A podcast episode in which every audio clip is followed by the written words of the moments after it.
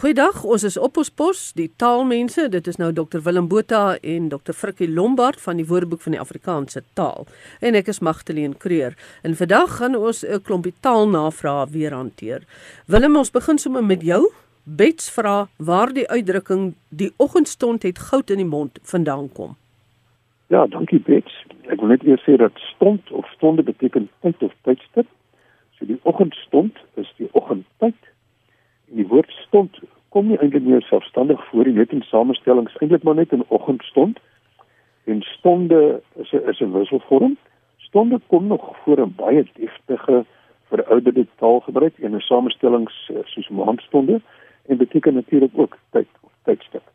Nou die uitdrukking die oggendstond het goed in die mond beteken deur vroeg op te staan kan 'n mens baie vermag.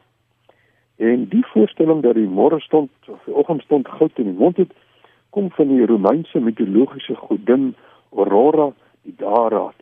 In die Sweedse tradisie val daar 'n goue ring uit haar mond as sy lag en as sy praat, goudstukke en uh ook uit haar hare as sy dit kam. In die Deense oorlewering is dit silwer wat uit haar uitval en edelgesteentes en in die Romeinse oorlewering goud en silwer.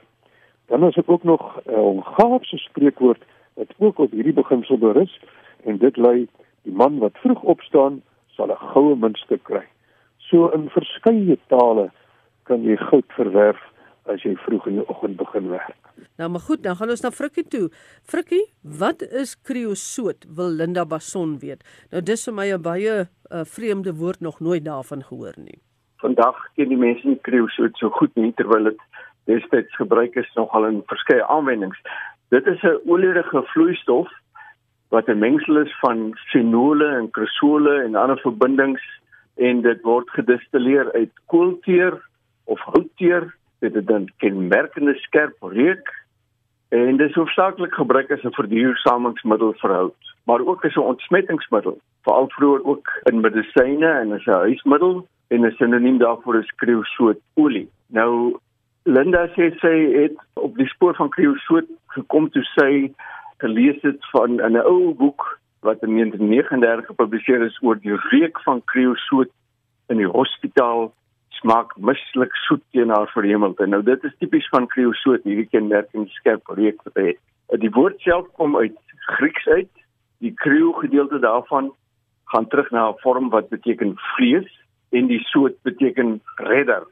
So dis eintlik 'n redder van die vlees En dit is die naam wat op grond van die ontsmettende eienskappe daarvan daarvoor gegee is.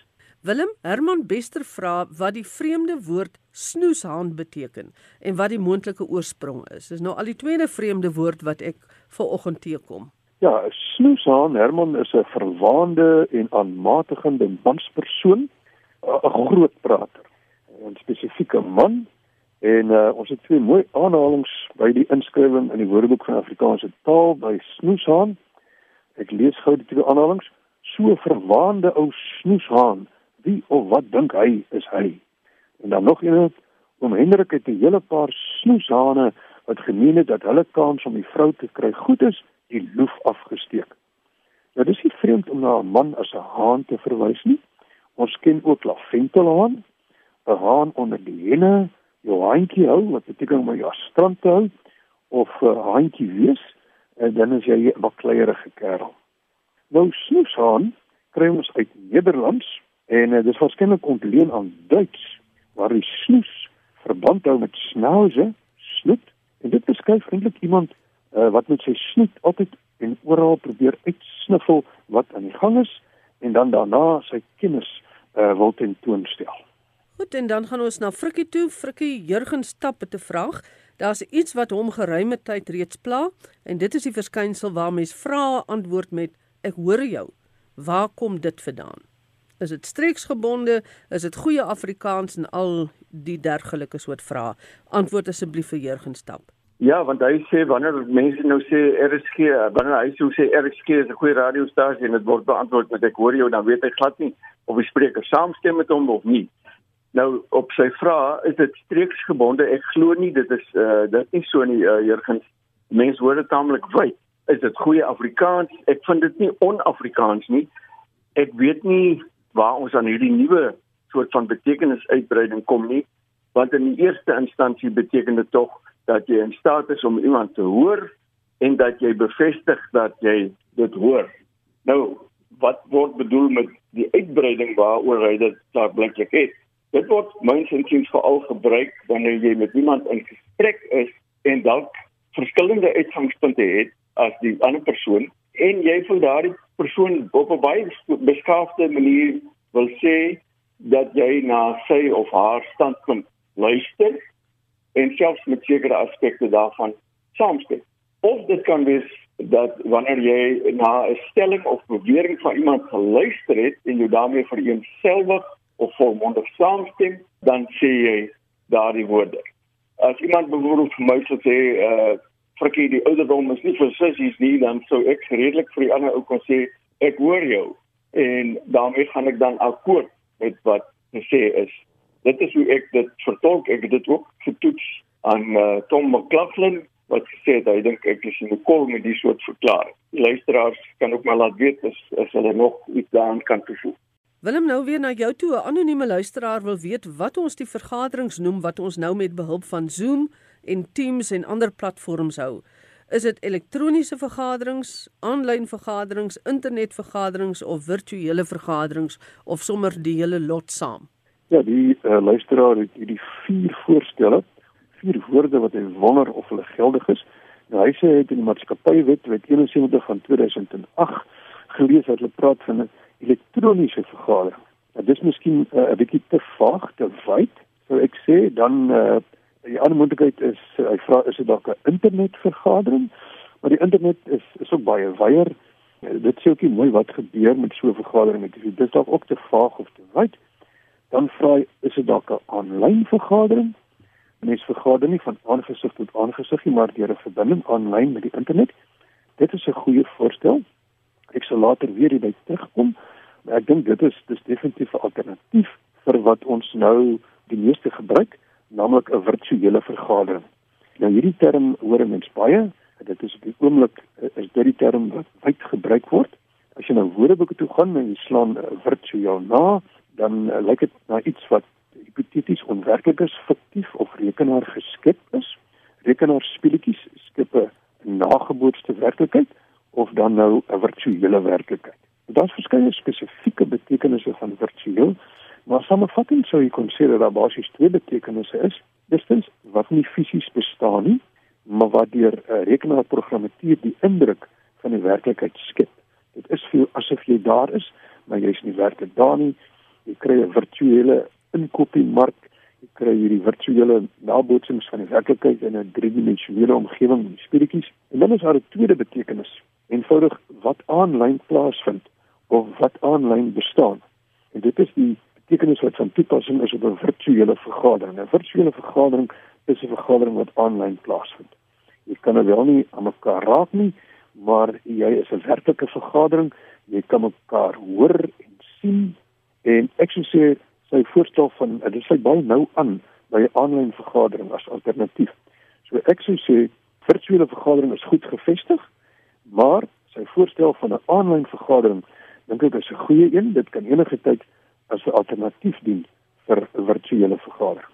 Goed Frikkie, oom tekste swart het twee vrae hierso. Die eerste een is uh, waar hy verwys na advertensie en dan vra hy oor of hongerte in plaas van honger korrek is. Jy sal 'n bietjie uitbrei daar. En dan die tweede klip in die skoen wat hy het, is hy wil iets hoor van slim en slimme. En dan verwys hy na Duits wat ook een van ons stamtale is en hoe hulle dit hanteer. Maar uh, oor na jou frikkie om sy twee vrae te hanteer. Uh, om teksvra uh, is beide vorms korrek. Hongerte en honger ja, albei word gebruik. Hongerte is natuurlik 'n minder gebruikelike gestelstalvorm van honger en wel van die selfstandige naamwoord honger want honger kan natuurlik 'n byvoeglike naamwoord wees. Uh dit soos 'n hongerdier. Uh dit kan ook werkwoordelik gebruik word soos ek honger na geselskap, ek verlang na geselskap, ek wil geselskap hê. Nou in daardie konteks, dit kan nie as 'n byvoeglike naamwoord honger te kandidaat wees nie ook nie as werkwoord. Sins konteks kan uh nogal dalk 'n rol speel by die gebruik daarvan. Ek sou maklik sê dis van hongerte dat die kind skree, sy hongerte kan 'n mens sommer op sy stig lees sy moes haar suigling van honger te speen. Die drywe het net betyds gekom om my honger te, te stil. Dit is inderdaad ook sitate wat ons in die BAT het. Maar as iemand honger het, daal die liggaamstemperatuur in so 'n sin en uh, andersins soos hoe vroeg het ek nog nie honger nie of as jy siek is, het jy nie honger nie of ek het honger vir 'n bietjie soutigheid of soetigheid. In daardie gevalle sou ek nie sommer honger te gebruik nie, maar dit sou dit sou kon.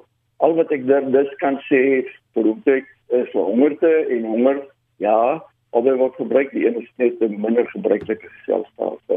Wat die slim en slimme betref, hy sê uh jy kry die man is slim en dis 'n slim man. Nou hoekom sê jy sê of wanneer sal jy sê hy is 'n slimme man?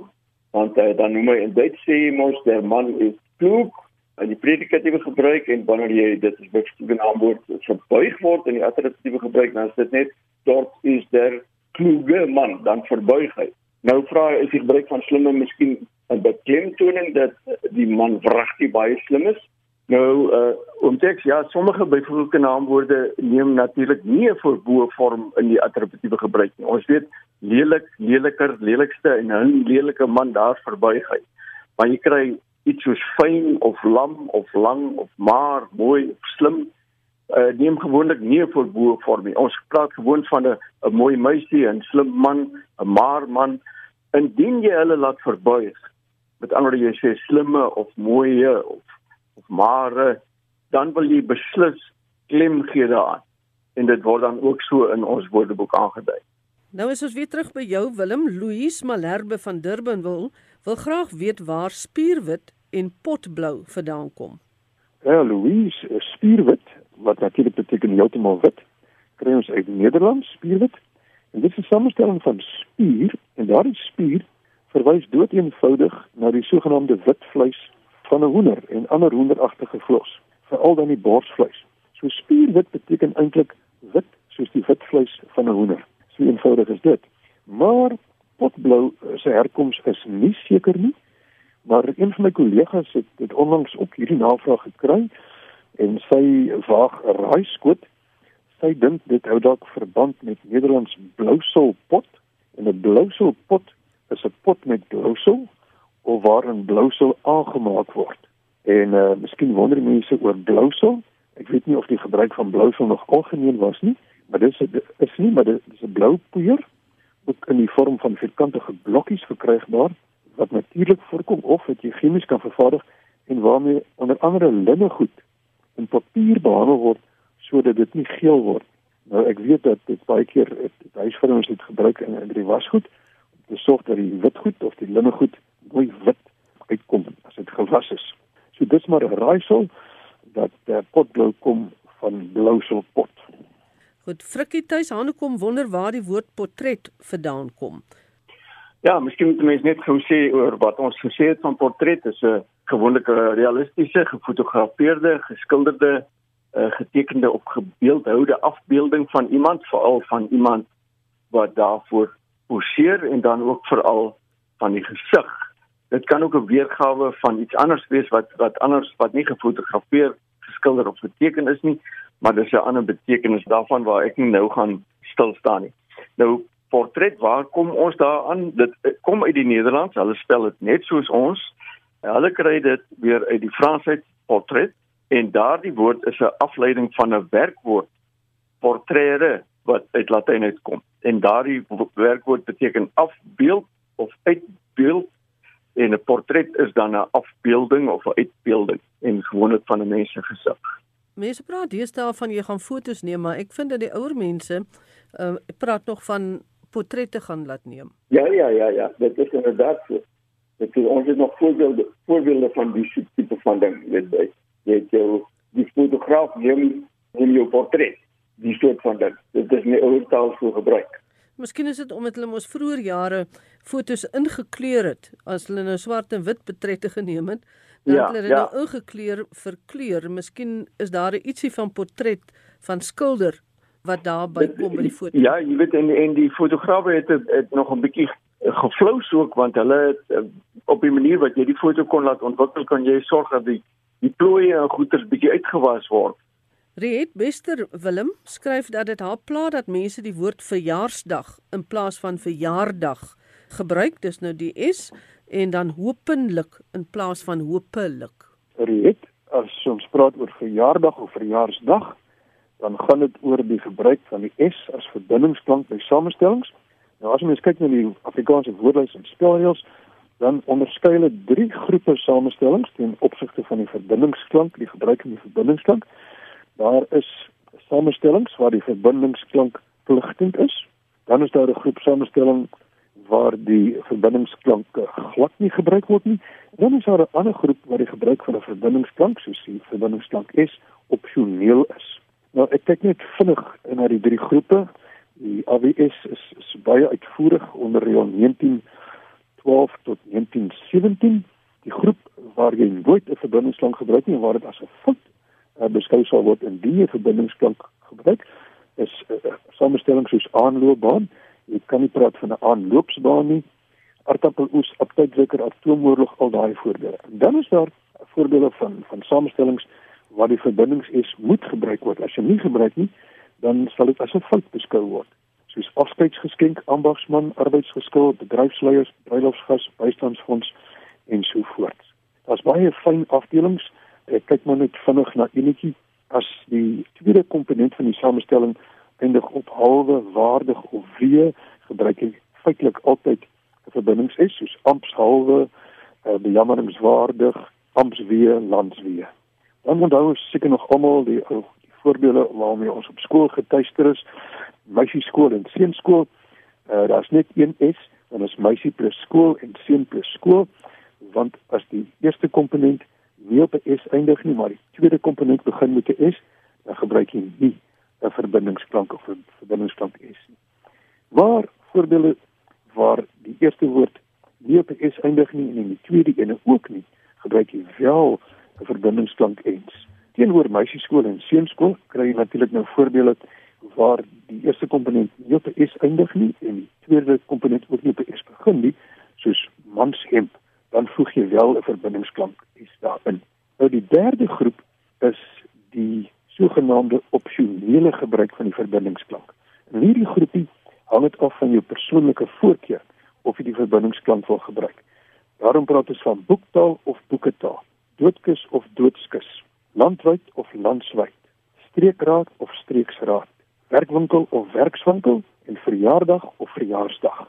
So dit verjaardag of en verjaarsdag val in daardie groep waar die gebruik van die verbindingsklank S opsioneel is. Dit is jou persoonlike keuse. In al hierdie gevalle, ek weet mense twyfel baie of dit nou landwyd of landswyd is of werkwinkel of werkswinkel, jy het 'n keuse. Ek dink daar is 'n geneigtheid om die verbindingsklank minder te gebruik miskien. As jy daaraan dink dat in die ou dae het die mense gepraat van die badkamer, dit het nou net badkamer geword, die woord badkamer baie baie min.